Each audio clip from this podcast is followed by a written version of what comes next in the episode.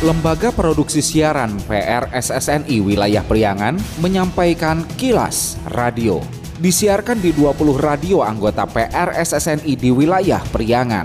Dan kilas radio edisi kali ini di antaranya mengenai usut dugaan pungli Bupati Pangandaran bentuk tim khusus. Ternyata tetangga korban pembunuh seorang petani di Cipatujah, Tasikmalaya. Polisi RW mendekatkan masyarakat dengan Polri di Garut.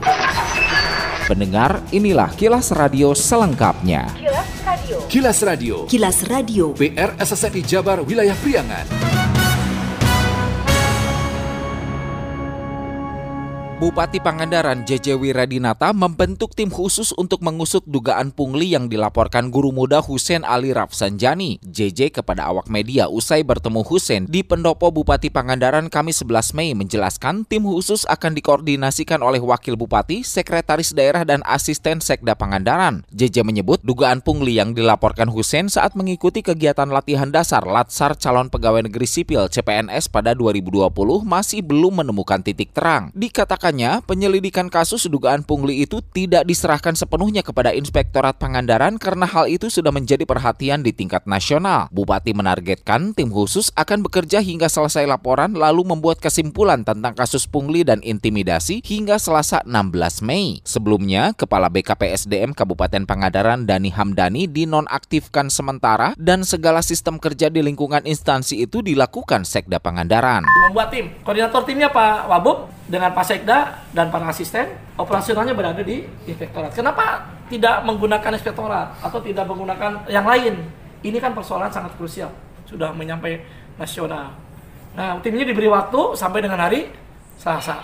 Sambil itu jalan agar punya kelulusan tim, maka saya memutuskan berdasarkan pertimbangan tadi memutuskan bahwa Kepala BPSDM Kabupaten Pangandaran Pak Dani Hamdani untuk sementara dinonaktifkan dari jabatannya. Koordinasi akan mengenai keberadaan BPSDM itu dikoordinasikan langsung oleh Pak Sekda. Sampai dengan tim ini bekerja dan membuat kesimpulan. Kira-kira seperti itu.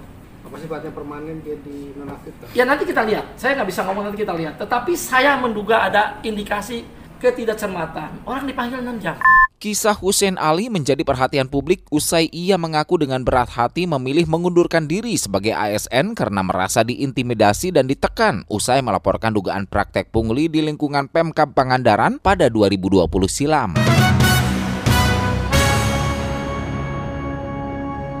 Satuan Reserse Kriminal Polres Tasikmalaya berhasil mengungkap kasus pembunuhan seorang petani di Bantar Kalong Cipatujah, Kabupaten Tasikmalaya. Kapolres AKBP Suhardi Heri Herianto saat press rilis di Mapolres Tasikmalaya Jumat 12 Mei menjelaskan motif pelaku R membunuh korban dilandasi balas dendam pribadi. Pelaku mengaku sebelumnya kerap sakit-sakitan dan berdasarkan orang pintar, pelaku sakit karena diguna-guna oleh korban. Menurut Suhardi, korban dibacok pelaku hingga mengalami luka pada bagian kepala sebelah sebelah kiri, dahi, kepala belakang, dan tangan. Berdasarkan hasil keterangan pelaku ataupun tersangka ini, yang bersangkutan merasa diguna-guna oleh uh, korban. Nanti masih di sekitaran wilayah Kecamatan Cipatujah.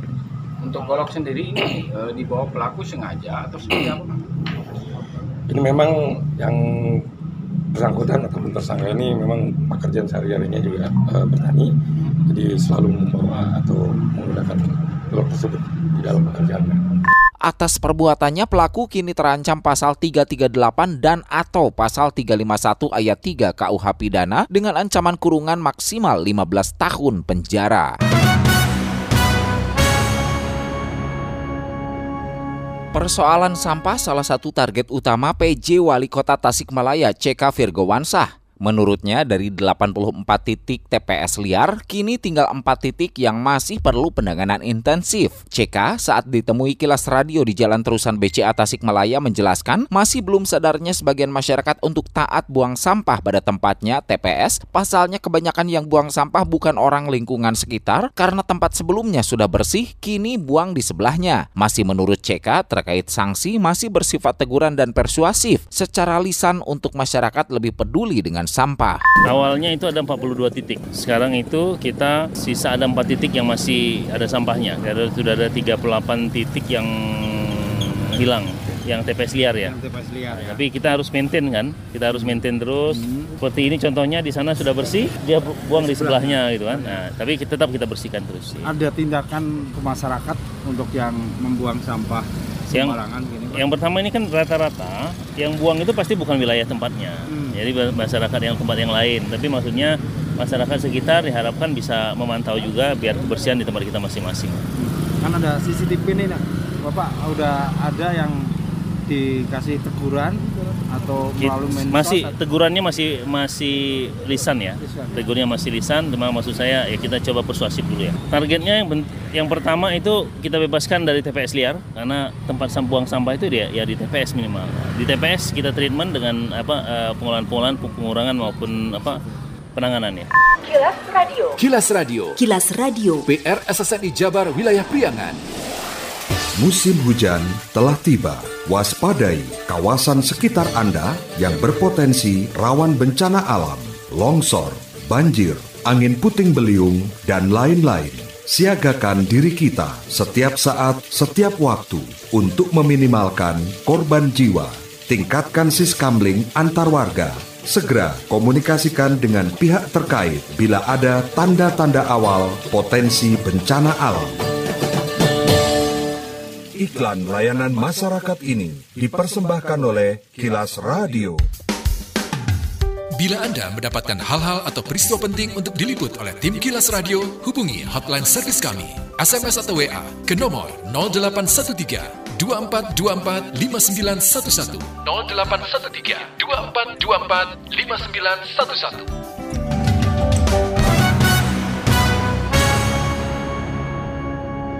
Wakil Bupati Garut Dr. Helmi Budiman meluncing program polisi rukun warga RW yang diinisiasi Polres Garut di markas Polres Garut Jumat 12 Mei. Menurut Helmi, program polisi RW merupakan program yang bertujuan untuk mendekatkan masyarakat dengan Polri. Masyarakat butuh keamanan, butuh kenyamanan. Polri juga butuh mengaplikasikan, merealisasikan program-program, kegiatan-kegiatan yang selama ini dikelola untuk mengamankan. Helmi menilai masyarakat dan keinginan Polri itu klop. keinginan dari Polri dan juga keinginan di masyarakat. Tentu juga karena anggota Polri ini cukup banyak, ada 1.300. Beda dengan kalau TNI kan 400-an ya gitu. Jadi memang ini Garut itu kan ada 442 desa dan juga ada sekitar 4.000 RW. Jadi memang eh, polisi RW itu kalau satu-satu itu nggak akan cukup. Ini satu tiga lah gitu ya. Jadi ada dua, ada tiga, ada empat. gitu.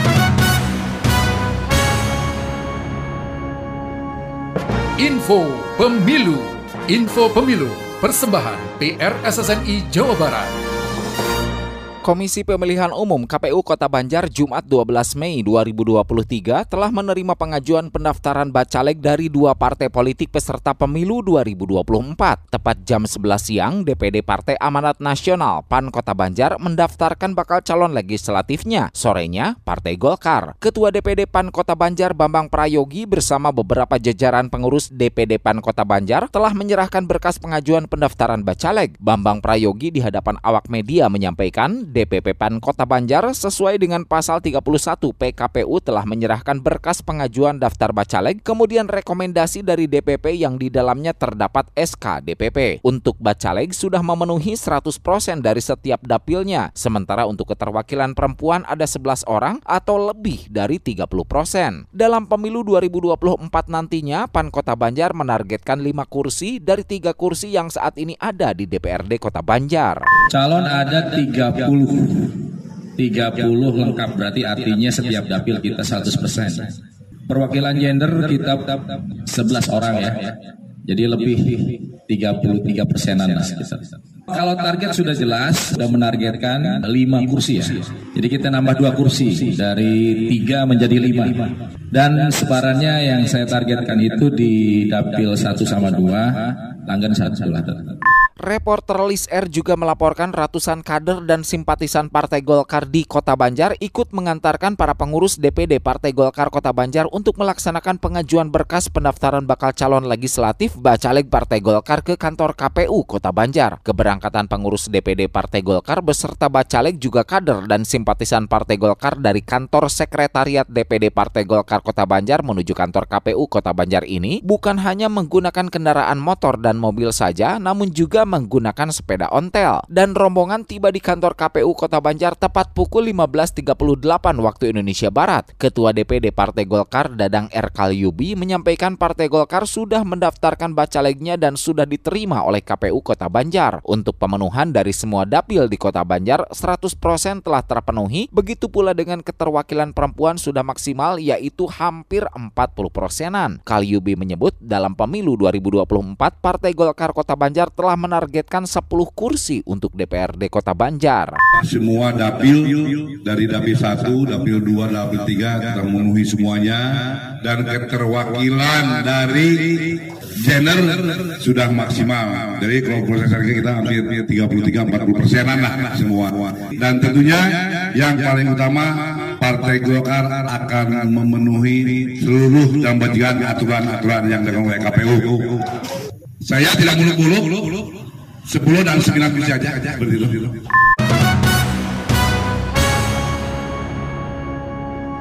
Info Pemilu.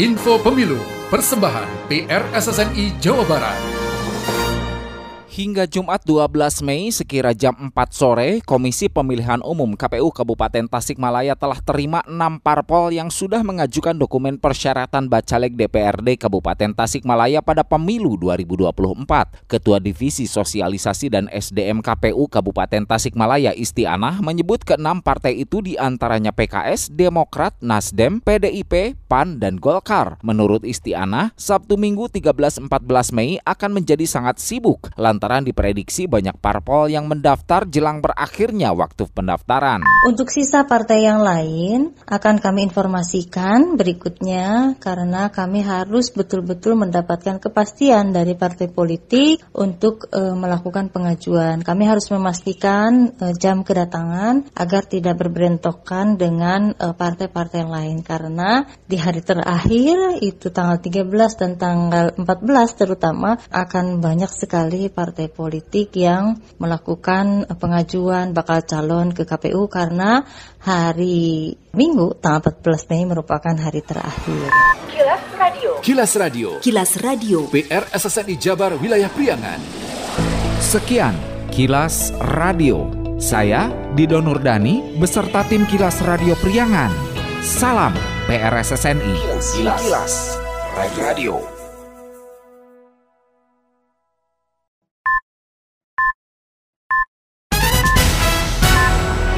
Lembaga Produksi Siaran PRSSNI Wilayah Priangan menyampaikan Kilas Radio. Disiarkan di 20 radio anggota PRSSNI di wilayah Priangan. Dan Kilas Radio edisi kali ini di antaranya mengenai usut dugaan pungli Bupati Pangandaran bentuk tim khusus. Ternyata tetangga korban pembunuh seorang petani di Cipatujah, Tasikmalaya polisi RW mendekatkan masyarakat dengan Polri di Garut. Pendengar, inilah kilas radio selengkapnya. Kilas Radio. Kilas Radio. Kilas Radio. PR SSNI Jabar Wilayah Priangan. Bupati Pangandaran JJ Wiradinata membentuk tim khusus untuk mengusut dugaan pungli yang dilaporkan guru muda Husen Ali Rafsanjani. JJ kepada awak media usai bertemu Husen di pendopo Bupati Pangandaran Kamis 11 Mei menjelaskan tim khusus akan dikoordinasikan oleh Wakil Bupati, Sekretaris Daerah dan Asisten Sekda Pangandaran. JJ menyebut dugaan pungli yang dilaporkan Husen saat mengikuti kegiatan latihan dasar Latsar Calon Pegawai Negeri Sipil CPNS pada 2020 masih belum menemukan titik terang. Dikatakan Faktanya, penyelidikan kasus dugaan pungli itu tidak diserahkan sepenuhnya kepada Inspektorat Pangandaran karena hal itu sudah menjadi perhatian di tingkat nasional. Bupati menargetkan tim khusus akan bekerja hingga selesai laporan lalu membuat kesimpulan tentang kasus pungli dan intimidasi hingga Selasa 16 Mei. Sebelumnya, Kepala BKPSDM Kabupaten Pangandaran Dani Hamdani dinonaktifkan sementara dan segala sistem kerja di lingkungan instansi itu dilakukan Sekda Pangandaran. Membuat tim, koordinator timnya Pak Wabub dengan Pak Sekda dan para asisten, operasionalnya berada di inspektorat. Kenapa tidak menggunakan inspektorat atau tidak menggunakan yang lain? Ini kan persoalan sangat krusial, sudah menyampai nasional. Nah, tim ini diberi waktu sampai dengan hari Selasa. Sambil itu jalan, agar punya kelulusan tim, maka saya memutuskan berdasarkan pertimbangan tadi, memutuskan bahwa Kepala BPSDM Kabupaten Pangandaran Pak Dani Hamdani untuk sementara dinonaktifkan dari jabatannya. Koordinasi akan mengenai keberadaan BPSDM itu dikoordinasikan langsung oleh Pak Sekda. Sampai dengan tim ini bekerja dan membuat kesimpulan. Kira-kira seperti itu. Apa sifatnya permanen dia di nonaktifkan? Ya nanti kita lihat. Saya nggak bisa ngomong nanti kita lihat. Tetapi saya menduga ada indikasi ketidakcermatan. Orang dipanggil 6 jam. Kisah Hussein Ali menjadi perhatian publik usai ia mengaku dengan berat hati memilih mengundurkan diri sebagai ASN karena merasa diintimidasi dan ditekan usai melaporkan dugaan praktek pungli di lingkungan Pemkab Pangandaran pada 2020 silam.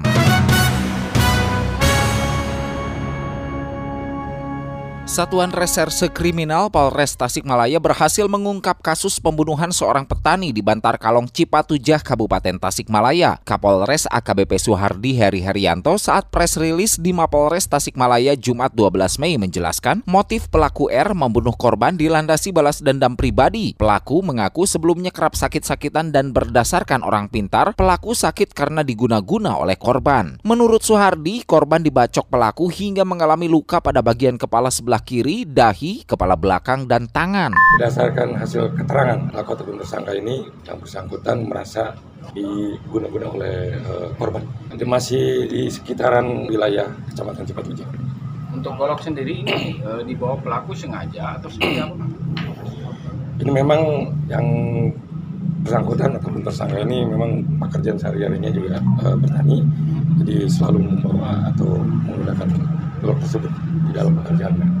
Atas perbuatannya pelaku kini terancam pasal 338 dan atau pasal 351 ayat 3 KUH pidana dengan ancaman kurungan maksimal 15 tahun penjara.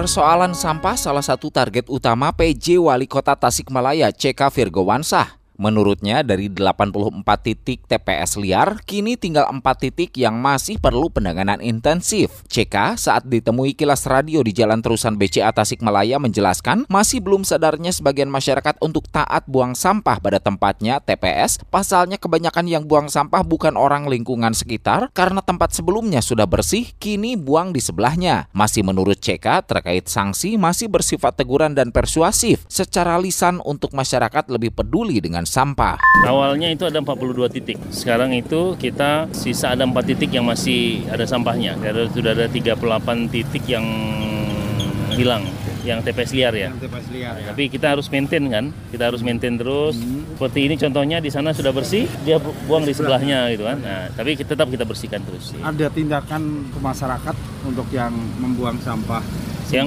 gini, yang pertama ini kan rata-rata yang buang itu pasti bukan wilayah tempatnya hmm. jadi masyarakat yang tempat yang lain tapi maksudnya masyarakat sekitar diharapkan bisa memantau juga biar kebersihan di tempat kita masing-masing hmm. kan ada CCTV nih bapak udah ada yang dikasih teguran atau melalui mensos masih tegurannya masih masih lisan ya? Tegurnya masih lisan cuma maksud saya ya kita coba persuasif dulu ya. Targetnya yang yang pertama itu kita bebaskan dari TPS liar karena tempat buang sampah itu dia ya di TPS minimal. Di TPS kita treatment dengan apa uh, pengolahan-pengolahan pengurangan maupun apa penanganannya. Kilas Radio. Kilas Radio. Kilas Radio. PR SSNI Jabar Wilayah Priangan Musim hujan telah tiba. Waspadai kawasan sekitar Anda yang berpotensi rawan bencana alam, longsor, banjir, angin puting beliung, dan lain-lain. Siagakan diri kita setiap saat, setiap waktu untuk meminimalkan korban jiwa.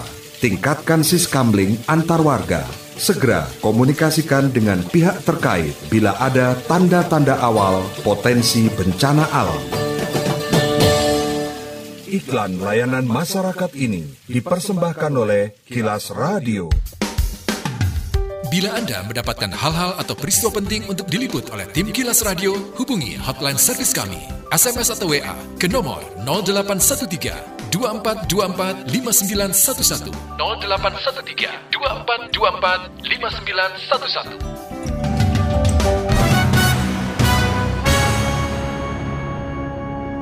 Wakil Bupati Garut Dr. Helmi Budiman meluncing program polisi rukun warga RW yang diinisiasi Polres Garut di markas Polres Garut Jumat 12 Mei. Menurut Helmi, program polisi RW merupakan program yang bertujuan untuk mendekatkan masyarakat dengan Polri. Masyarakat butuh keamanan, butuh kenyamanan. Polri juga butuh mengaplikasikan, merealisasikan program-program, kegiatan-kegiatan yang selama ini dikelola untuk mengamankan. Helmi menilai masyarakat dan keinginan Polri itu klop. keinginan dari Polri dan juga keinginan di masyarakat. Tentu juga karena anggota Polri ini cukup banyak, ada 1.300. Beda dengan kalau TNI kan 400-an ya gitu. Jadi memang ini Garut itu kan ada 442 desa dan juga ada sekitar 4.000 RW. Jadi memang eh, polisi RW itu kalau satu-satu itu nggak akan cukup. Ini satu tiga lah gitu ya. Jadi ada dua, ada tiga, ada empat. gitu.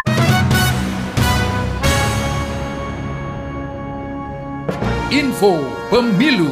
Info Pemilu. Persembahan PRSSNI Jawa Barat Komisi Pemilihan Umum KPU Kota Banjar Jumat 12 Mei 2023 telah menerima pengajuan pendaftaran Bacaleg dari dua partai politik peserta pemilu 2024. Tepat jam 11 siang, DPD Partai Amanat Nasional PAN Kota Banjar mendaftarkan bakal calon legislatifnya. Sorenya, Partai Golkar. Ketua DPD PAN Kota Banjar Bambang Prayogi bersama beberapa jajaran pengurus DPD PAN Kota Banjar telah menyerahkan berkas pengajuan pendaftaran Bacaleg. Bambang Prayogi di hadapan awak media menyampaikan DPP PAN Kota Banjar sesuai dengan pasal 31 PKPU telah menyerahkan berkas pengajuan daftar Bacaleg kemudian rekomendasi dari DPP yang di dalamnya terdapat SK DPP. Untuk Bacaleg sudah memenuhi 100% dari setiap dapilnya, sementara untuk keterwakilan perempuan ada 11 orang atau lebih dari 30%. Dalam pemilu 2024 nantinya, PAN Kota Banjar menargetkan 5 kursi dari 3 kursi yang saat ini ada di DPRD Kota Banjar. Calon ada 30 30 lengkap berarti artinya setiap dapil kita 100%. Perwakilan gender kita 11 orang ya. Jadi lebih 33 persenan lah. Kalau target sudah jelas, sudah menargetkan 5 kursi ya. Jadi kita nambah 2 kursi dari 3 menjadi 5. Dan sebarannya yang saya targetkan itu di dapil 1 sama 2, langgan 1 lah. Reporter Lis R juga melaporkan ratusan kader dan simpatisan Partai Golkar di Kota Banjar ikut mengantarkan para pengurus DPD Partai Golkar Kota Banjar untuk melaksanakan pengajuan berkas pendaftaran bakal calon legislatif Bacaleg Partai Golkar ke kantor KPU Kota Banjar. Keberangkatan pengurus DPD Partai Golkar beserta Bacaleg juga kader dan simpatisan Partai Golkar dari kantor Sekretariat DPD Partai Golkar Kota Banjar menuju kantor KPU Kota Banjar ini bukan hanya menggunakan kendaraan motor dan mobil saja namun juga menggunakan sepeda ontel. Dan rombongan tiba di kantor KPU Kota Banjar tepat pukul 15.38 waktu Indonesia Barat. Ketua DPD Partai Golkar Dadang R. Kalyubi menyampaikan Partai Golkar sudah mendaftarkan bacalegnya dan sudah diterima oleh KPU Kota Banjar. Untuk pemenuhan dari semua dapil di Kota Banjar 100% telah terpenuhi, begitu pula dengan keterwakilan perempuan sudah maksimal yaitu hampir 40 persenan. Kalyubi menyebut dalam pemilu 2024 Partai Golkar Kota Banjar telah menargetkan 10 kursi untuk DPRD Kota Banjar. Semua dapil dari dapil 1, dapil 2, dapil 3 kita memenuhi semuanya dan keterwakilan dari gender sudah maksimal. Jadi kalau proses harga kita hampir 33-40 persenan lah semua. Dan tentunya yang paling utama Partai Golkar akan memenuhi seluruh dan bagian aturan-aturan yang dilakukan oleh KPU. Saya tidak muluk-muluk, 10 dan 9 bisa aja. Itu.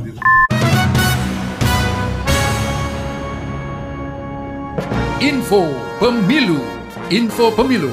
Persembahan PRSSNI Jawa Barat Hingga Jumat 12 Mei sekira jam 4 sore, Komisi Pemilihan Umum KPU Kabupaten Tasikmalaya telah terima 6 parpol yang sudah mengajukan dokumen persyaratan Bacalek DPRD Kabupaten Tasikmalaya pada pemilu 2024. Ketua Divisi Sosialisasi dan SDM KPU Kabupaten Tasikmalaya Istianah menyebut keenam partai itu di antaranya PKS, Demokrat, Nasdem, PDIP, PAN, dan Golkar. Menurut Istianah, Sabtu Minggu 13-14 Mei akan menjadi sangat sibuk lantaran lantaran diprediksi banyak parpol yang mendaftar jelang berakhirnya waktu pendaftaran. Untuk sisa partai yang lain akan kami informasikan berikutnya karena kami harus betul-betul mendapatkan kepastian dari partai politik untuk e, melakukan pengajuan. Kami harus memastikan e, jam kedatangan agar tidak berberentokan dengan e, partai-partai yang lain karena di hari terakhir itu tanggal 13